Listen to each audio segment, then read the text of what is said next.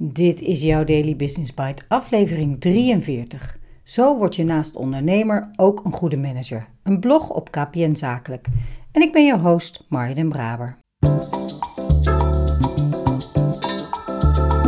Je luistert naar Daily Business Bites met Marja den Braber, waarin ze voor jou de beste artikelen over persoonlijke ontwikkeling en ondernemen selecteert en voorleest.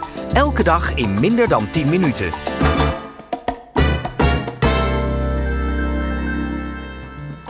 Dit is de podcast waarin ik jouw oren streel met de zachte klanken van de beste artikelen over ondernemen en persoonlijke ontwikkeling die ik maar kan vinden.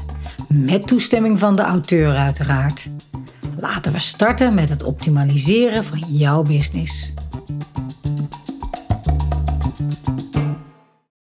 Het is een last die zelfs de meest succesvolle CEO's dragen: het imposter syndroom. De Amerikaanse start-up coach Alyssa Cohn schreef het boek From Startup to Grown Up over hoe CEO's van startups kunnen groeien in hun rol. Op TNW Conference 2022 gaf ze handzame strategieën over hoe je in het zakenleven het imposter syndroom in je voordeel kunt gebruiken. Haar inner gremlin, zo noemt Alisa Cohn haar eigen vorm van imposter syndroom. Ook extreem succesvolle mensen als Serena Williams, Michael Jordan, Lady Gaga en Starbucks-CEO Howard Schultz kennen het fenomeen maar al te goed. Het is het gevoel dat je eigenlijk een fraudeur bent, niks kunt, dat je geluk bijna op is en iedereen het zal ontdekken, zei Cohn tijdens The Next Web. Ik sta al 25 jaar zakenmensen bij en schat op basis daarvan dat 95% van de meest succesvolle ondernemers met dit syndroom kampt. Toch hoeft het imposter-syndroom geen nadeel te zijn. Sterker nog, het kan juist een enorme motivatie zijn om te slagen. Dit syndroom geeft namelijk ook aan dat je met een uitdaging bezig bent die echt de moeite waard is, zei Cohn. Als je dit gevoel helemaal niet kent, bestaat de kans dat je je eigenlijk verveelt. Het is de kunst de balans te vinden en het juist als een leermoment te zien. Of zoals schrijver William Burroughs het zei: als je stopt met groeien, begin je met doodgaan. Een beetje imposter syndroom is motiverend, te veel ervan is verlammend. Drie strategieën die helpen. Cohn onderscheidt drie strategieën die kunnen helpen om deze balans te vinden en het imposter syndroom juist als motivatie te zien. Zo zei ze tijdens haar keynote: Embrace your inner gremlin.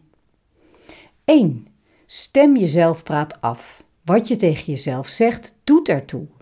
Het is als het ware een self-fulfilling prophecy. Neem afstand van al die meningen over jezelf zonder ze weg te duwen. Analyseer ze en zoek specifiek naar welke groeikansen je uit deze zelfkritiek kunt halen. Als je dit doet, bevordert dit je prestaties. 2. Maak een overzicht van je hoogtepunten. Verzamel de bewijslast van, van je eigen successen. Schrijf ze op en reflecteer over de uitdagingen die je in het verleden hebt overkomen. Lees ze iedere dag. Zie in dat je angsten niet realistisch zijn en gebruik die energie die dit losweekt. 3. Creëer een avatar. Neem een rolmodel in gedachten voor situaties die je spannend vindt. Bedenk hoe deze persoon in die situatie zou handelen en gedraag je daarnaar. Hang een foto van deze persoon op, zodat je er vaak aan herinnerd wordt. Zo word je sterk en groei je, juist ook in die situaties die je eigenlijk spannend vindt. Daily Business Bites met Marja Den Braber. Je luisterde naar Zo word je naast ondernemer ook een goede manager. Deze startup coach heeft een paar mooie namen op haar track record staan, zoals Etsy, Envision en Foursquare. Envision heb ik nog even opgezocht. Een online whiteboard systeem om beter samen te werken. Kijk, die kan ik dan weer even verder onderzoeken. Hoewel ik heel tevreden ben met Miro, dat ik bij de start van de pandemie direct ging gebruiken. Snel schakelen was dat destijds. Maar dat lukte dankzij de wil van een tof projectteam van Rijkswaterstaat, die direct bereid was om samen het experiment aan te gaan.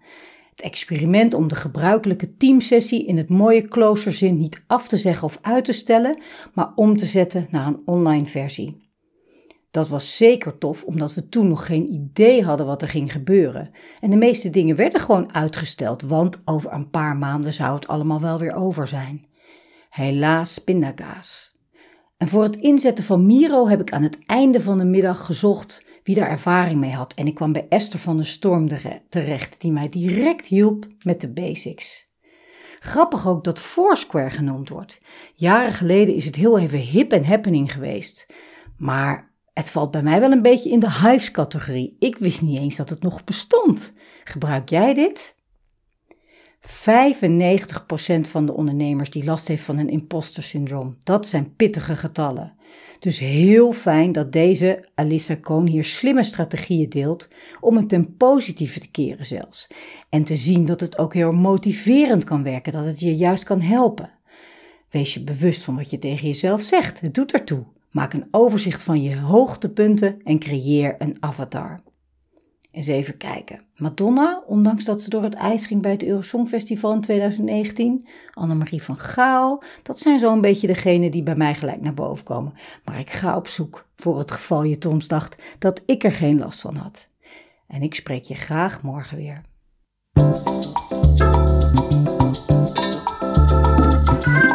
Was Daily Business Bites. Wil je vaker voorgelezen worden? Abonneer je dan op de podcast in je favoriete podcast-app. Meer weten? Klik op de links in de show notes.